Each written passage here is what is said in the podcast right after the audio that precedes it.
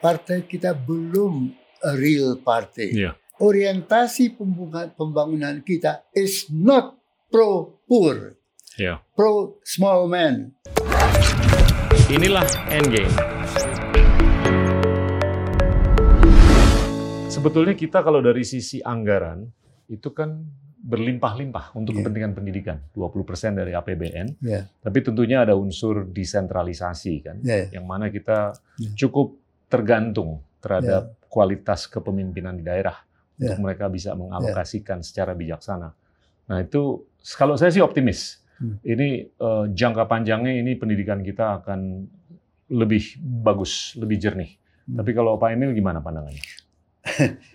Terus terang tiba di pendidikan, Iya. saya agak cemas. Oke. Saya baru baca bahwa PISA Iya. yang tanggal 3 Desember Iya. 2019 Iya. kemampuan membaca Iya. 2015 Iya. indeksnya 397 Iya. 2018 turun Iya. ke Betul. 2000 3000 eh, eh, 76 Iya. 31 turun. Iya. Matematika turun dari 386 ke 379. Iya. Sains turun dari 403 ke 326. Iya.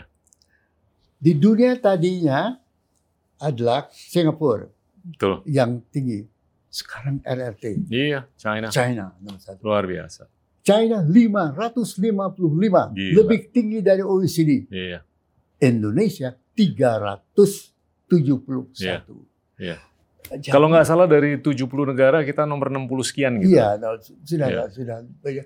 Iya. Tapi 503 astagfirullah. But it's there's only one way. Up. Iya. Nah, Dus, Ah. dus pendidikan. Iya. Lantas saya lihat komposisi penduduk kita. Bonus demografi. Hmm. Boom, 191 juta. Iya. Umur antara 15 64. Yang 15 ke 50, 35 45 100 juta. Ini adalah modal untuk lepas landas. Betul. So, mereka nanti yang 15 dari 35 di tahun 2014. Ya, Ini Calon yang pemimpin. menjadi- ah, ini yang dikunci. Hmm. Mereka yang harus bukan industri 4 lagi, tapi Iya. industri 12 bergali. Iya. Gitu. Datang COVID ini, Iya. hancur pendidikan kita. Iya. Semua distance learning. Bagaimana distance learning kalau tidak ada tata buka, tidak ada Iya. dialog. Jadi, I'm damn worried about Iya. pendidikan kita. Iya. We lose time. Iya. And di dalam lose time, we- kita hilang opportunity Hmm. untuk generasi yang menjadi motor penggerak lepas landas dan Iya. 45. I'm Iya. I'm worried tapi I'm optimistic. Ya. Jadi memang kita perlu negara ini perlu chief worry officer. Hmm. Ya kan? Pak Emil adalah chief worry officernya. Tapi kalau saya ngelihat ke depan ini hitungan penggelontoran dana untuk pendidikan Hmm. ini untuk 25 tahun ke depan itu Ya. mungkin bisa sampai 4 sampai 5 triliun dolar Ya. akumulasi. Ya kan?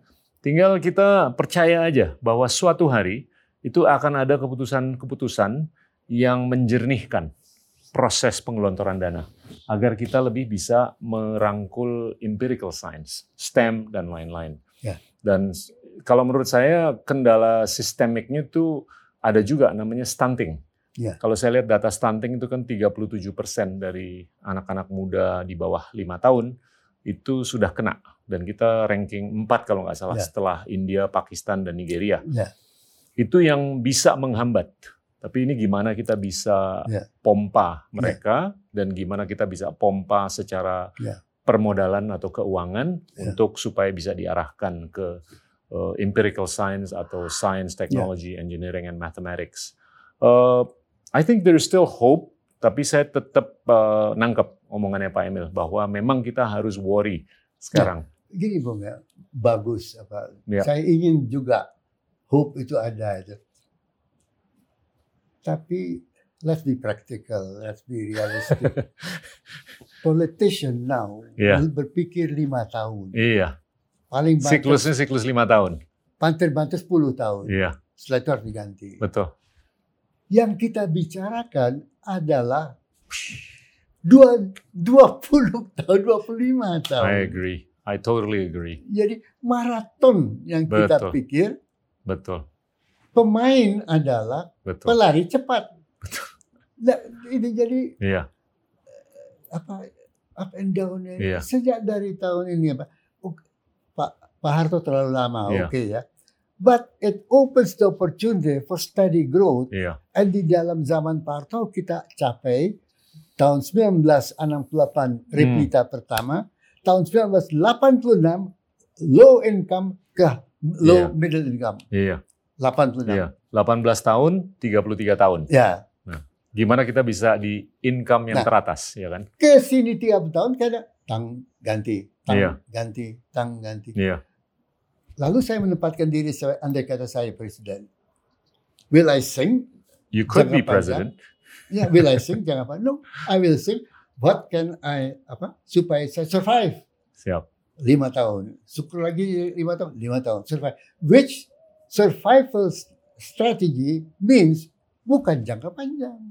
Gimana jadinya sistemnya untuk diubah agar ada kesinambungan? Itu sebetulnya menghendaki a political will of the nation. Oke. Siapa mereveal political will of the nation? Partai politik. Oke. Maka coba keinginan saya adalah ya, partai politik lah. You create your party Iya. dengan vision bahwa you want Indonesia like your vision of your ideologi partai Iya. gitu. Iya. Bagaimana 2045 menurut PDIP, menurut Hmm. Nasdem, menurut Demokrat, menurut do say think about this? Bagaimana isinya itu? Kesan saya yang dipikirkan adalah bagaimana pilkada saya menang Iya. which is next two, three, one, two years. Yeah. Itu. Jadi thinkers ya, saya suka Sultan Syahrir, Hmm.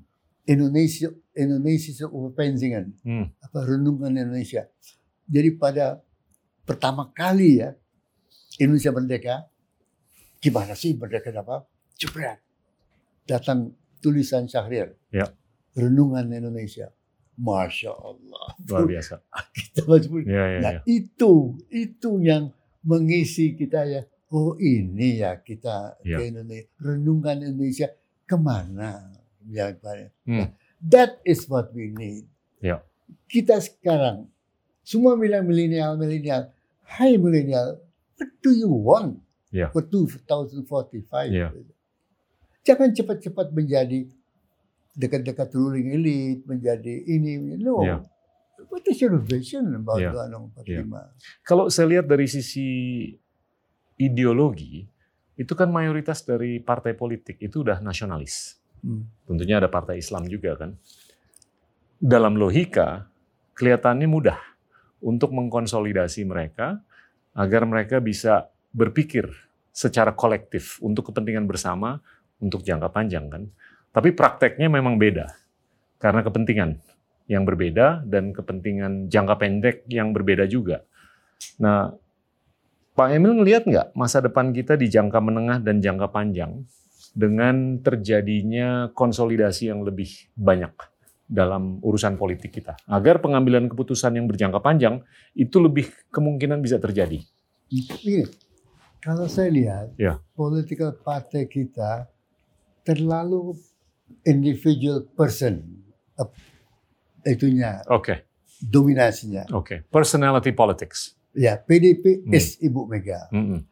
Nasdem is Surya Paloh, Siap. Politik is ini. Ya. Jadi it's personalities. Bukan institusi. Nah, Hmm. If you ask ketua cabang yang ada di Jakarta atau Surabaya, apa sih kau punya konsep Indonesia 2045?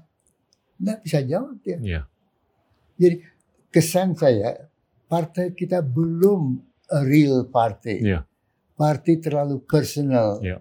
apa entity personal oriented, personal heavy. Oke. Jadi perlu ada pendidikan yang yang serius, yang Ya. luas itu ya. Ya. Mengapa kita ada partai? perlu berapa partai kita itu? Ya. Bagaimana perbedaan dalam nasionalis, dalam Islam, bagaimana accommodate the Kristen, Katolik macam-macam. Itu questions yang kita mesti bisa jawab itu. Ya. Keinginan saya ketika itu Yudi Latif jadi eh, kepala BIP apa eh, Pancasila, Ya. kita diskusi. Saya ingin saya bilang sama Juli, ke sini you jawab bagaimana Pancasila itu oleh aliran politik nasionalis A kini agama begini ini begini bagaimana itu Hmm. konsepsional operasional Hmm. jangka pendek jangka panjang dan the ideologi mempunyai makna itu Ini korelasi dengan klasifikasi kita.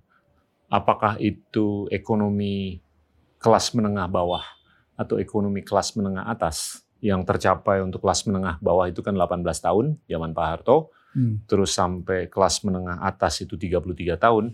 Apakah ada korelasi ya antara hal tersebut? Anggaplah kita belum di kelas atas. ya Apakah itu berkorelasi dengan inkapasitas atau kekurangan Ya. kapasitas kita untuk mencapai idealisme yang Pak Emil inginkan? saya kira juga berkaitan dengan sistem pembiayaan partai politik pemilu dan sebagainya di dalam partai apa kita demokrat pemilihan bebas Ya. pilih gitu pemimpin apa bupati gubernur lintas presiden ya.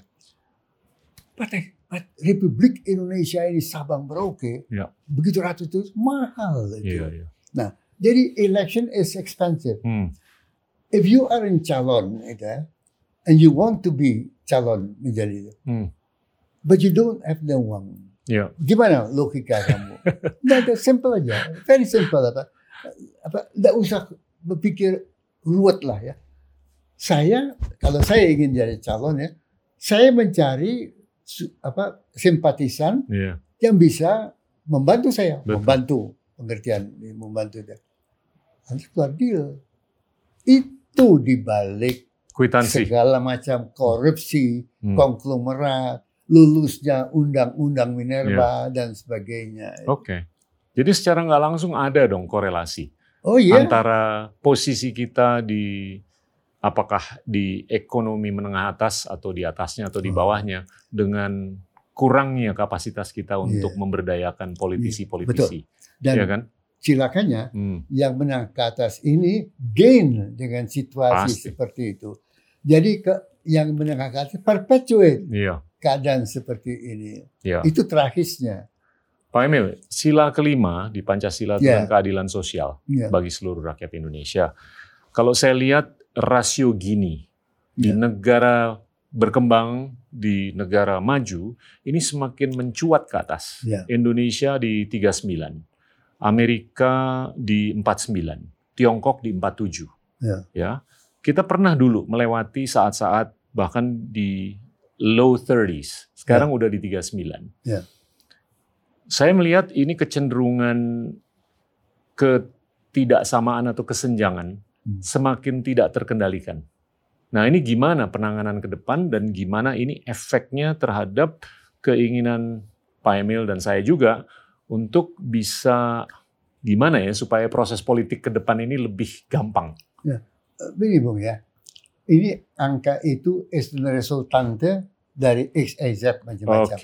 Apa itu chicken X- and egg. Apa itu X, Y, Z itu? Nah, Ya.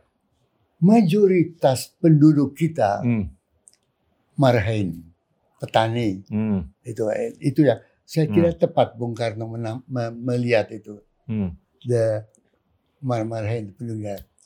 Coba Bung perhatikan ya. Selama 15 tahun nilai tukar petani ya yang menghasilkan padi bukan nilai tukar perkebunan ini NTP nilai tukar ini, yaitu jumlah yang dia terima Hmm. terhadap jumlah yang dia keluarkan untuk hidup Hmm. sekitar 104 105 yang dia keluarkan 100 perkebunan 140 yang dikeluarkan 100 what does it mean 105 Hmm. 16 marginal how can he finance anak-anaknya mengajar. Hmm. Poin kedua, beras ini jika harga naik, boom, import Hmm. untuk stabilisasi. Seluruh stabilisasi is beras, fokus itu. Padahal yang dimakan adalah karbohidrat, Ya. gitu. bukan beras. Ya, terus ada macam-macam. Mengapa padi kalau beras petani padi beras yang kena? Ya. Kalau karbohidrat tidak itu. Just why do we shoot terhadap si petani? Dan selalu harga beras naik, impor. Jadi bagaimana marhain kita serius? Bagaimana marhain ini bisa naik dia Hidup, punya ya. pendapatannya? Wow. Sampai sekarang anak-anak muda mulai mulai berkurang, mulai hilang. Ya. Lantas pemerintah merasa perlu self sufficient Hmm. rice lagi, Ya. bukan karbohidrat. Padahal ada sagu, ada sorghum, ada Ya. macam-macam. Dan dalam kaitan ini masal di daerah gambut. Alamak, saya bilang, gimana ini ya? Bagaimana meyakinkan bahwa bisa menanam padi di gambut. Seperti juga bisa menanam padi di batu. Bisa itu. But it takes high cost Oh iya. Oh high iya. cost itu. Jadi the cost di dalam gambut lebih mahal plus dampak Ya. lingkungannya, Ya. CO2-nya. Jadi, excellent. Jadi poin saya itu adalah Iya. bahwa dalam keadaan ini orientasi pembangunan, pembangunan kita is not pro poor, Ya. pro small man, Ya. pro malahan against man, Ya. against poor. Ya. That hurts me. It hurts me too. Jadi Iya. itu menjawab ya Iya. persoalan Gini koefisien itu Iya. di balik persoalan Gini koefisien is a basic Banyak sekali. cara melihat Hmm. pembangunan keliru. Iya. Itu yang saya. Zamannya Pak Emil dulu di pemerintah. Hmm. Itu kan pemikirannya kan tentunya dengan repelita. Hmm. Dan itu kan panjang kan, puluhan tahun ke depan. Hmm. Kalau sekarang memang ini siklus lima tahun kan. Hmm. Tentunya solusinya solusi politik seperti Pak Hmm. Emil bilang. Saya nggak tahu kapan adanya kesadaran secara kolektif lah untuk mengubah sistem apa ya perencanaan ke depan. Tapi saya berharap, saya hanya bisa berharap sekarang bahwa itu akan terjadi dalam waktu dekat. I hope it's not too late, ya kan? Saya mau balik ke masa mudanya Pak Emil lagi nih, kalau boleh. Bapak kan udah merangkul empirical science, terus dipengaruhi oleh lingkungan, ikut-ikutan dalam social science, and I know you're so passionate mengenai lingkungan puluhan tahun. Was it by choice atau by force? Jadi gini, kalau lingkungan itu saya kira apa itu fait accompli oleh Pak Harto. Ya, Jadi saya diundang ke Teluk Jakarta. Oke. Beliau itu ada apa kapal motor itu ya. Ya. Um, Keliling kita itu. Dalam keliling itu beliau bawa ke tempat yang hitam-hitam itu. Jadi busuk bau. Jadi saya juga heran. Why the hell ke sini ya? Nah, ini bagaimana dia bilang. Kita ini baru sekarang tahun 80 eh, 80 eh, 78 gitu. Oke. Sudah begini, gitu. bagaimana 2000 nanti itu. Jadi, jadi genuinely, why? Beliau suka mancing. oke. Beliau tuh kalau weekend, sering juga saya diajak, kita mancing keluar ya, yang masih dekat-dekat dekat-dekat sini bisa. Lambat laut tambah jauh. Lambat laut ke Selat Sunda untuk mancing itu. Wow. Dan kotor-kotoran jadi he is he hurt, hurt oleh Ya. kotor itu. Nah, kembali ke cerita tadi, maka ini kita mesti tangani. Ya, baik. Karena itu saya minta saudara membantu saya jadi Menteri Lingkungan. Kaget saya. Waktu itu Pak Emil menteri apa sebelum? Nah, eh, perhubungan saya. Oke. Nah, Oke. Saya ini ekonom, Pak. Ekonomi, I'm ekonom. I don't, damn, tak ngerti lingkungan. Nah, ekonomi, ekologi kan rumah tangga. Ya. Ini rumah tangga ekonomi, ini rumah tangga alam, kan rumah tangga prinsipnya sama. Satu. Dua, saya juga tidak dididik menjadi presiden. Jadi sama-sama kita belajar gitu. Ya, selamat. Nah, oke. Okay. Jebret, that that was not by choice jadi menjadi menteri lingkungan.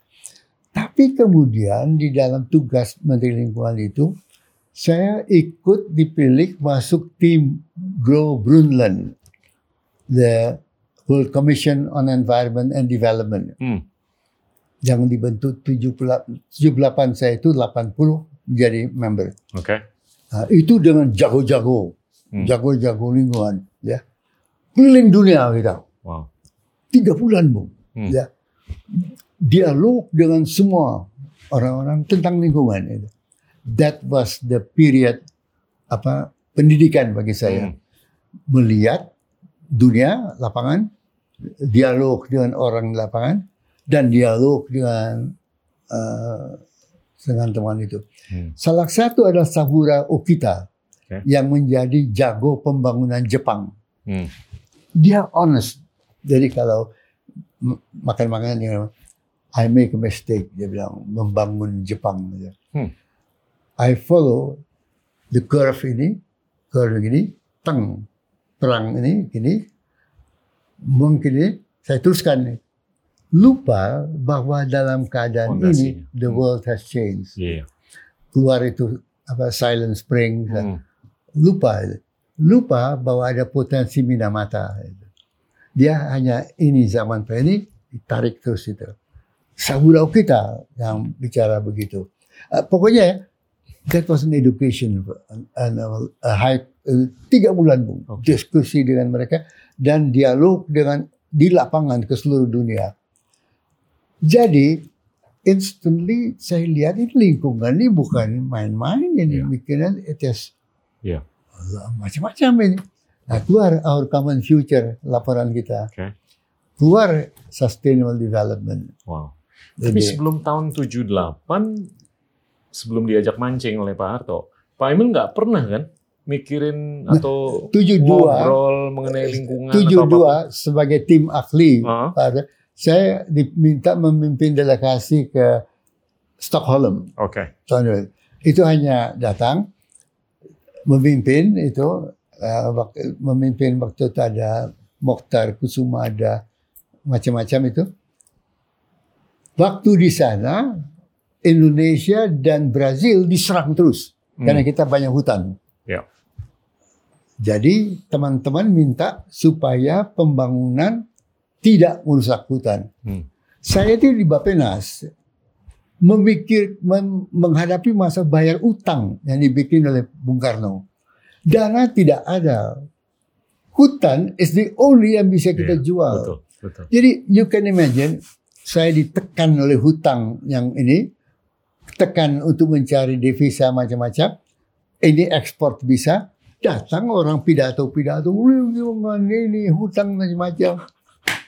Jadi I took the floor. I said, Terpanggil. Please, saya bilang, for me, saya bilang, poverty first. Yes. Dan apa, the whole globe, gitu ya, kalau dia suffer, tapi tidak mengizinkan saya Iya. lepas dari kemiskinan, the hell with the world. Gitu. Oh. Pokoknya keras pidato itu. Habis itu malamnya, paginya saya diundang oleh Ibu eh, Gandhi. Hmm. Itu. Dia ketua ketua delegasi India. Saya, Brazil, dan dia bertiga makan pagi. Eh, dia bilang, kita sama-sama negara berkembang. Ya. Oke.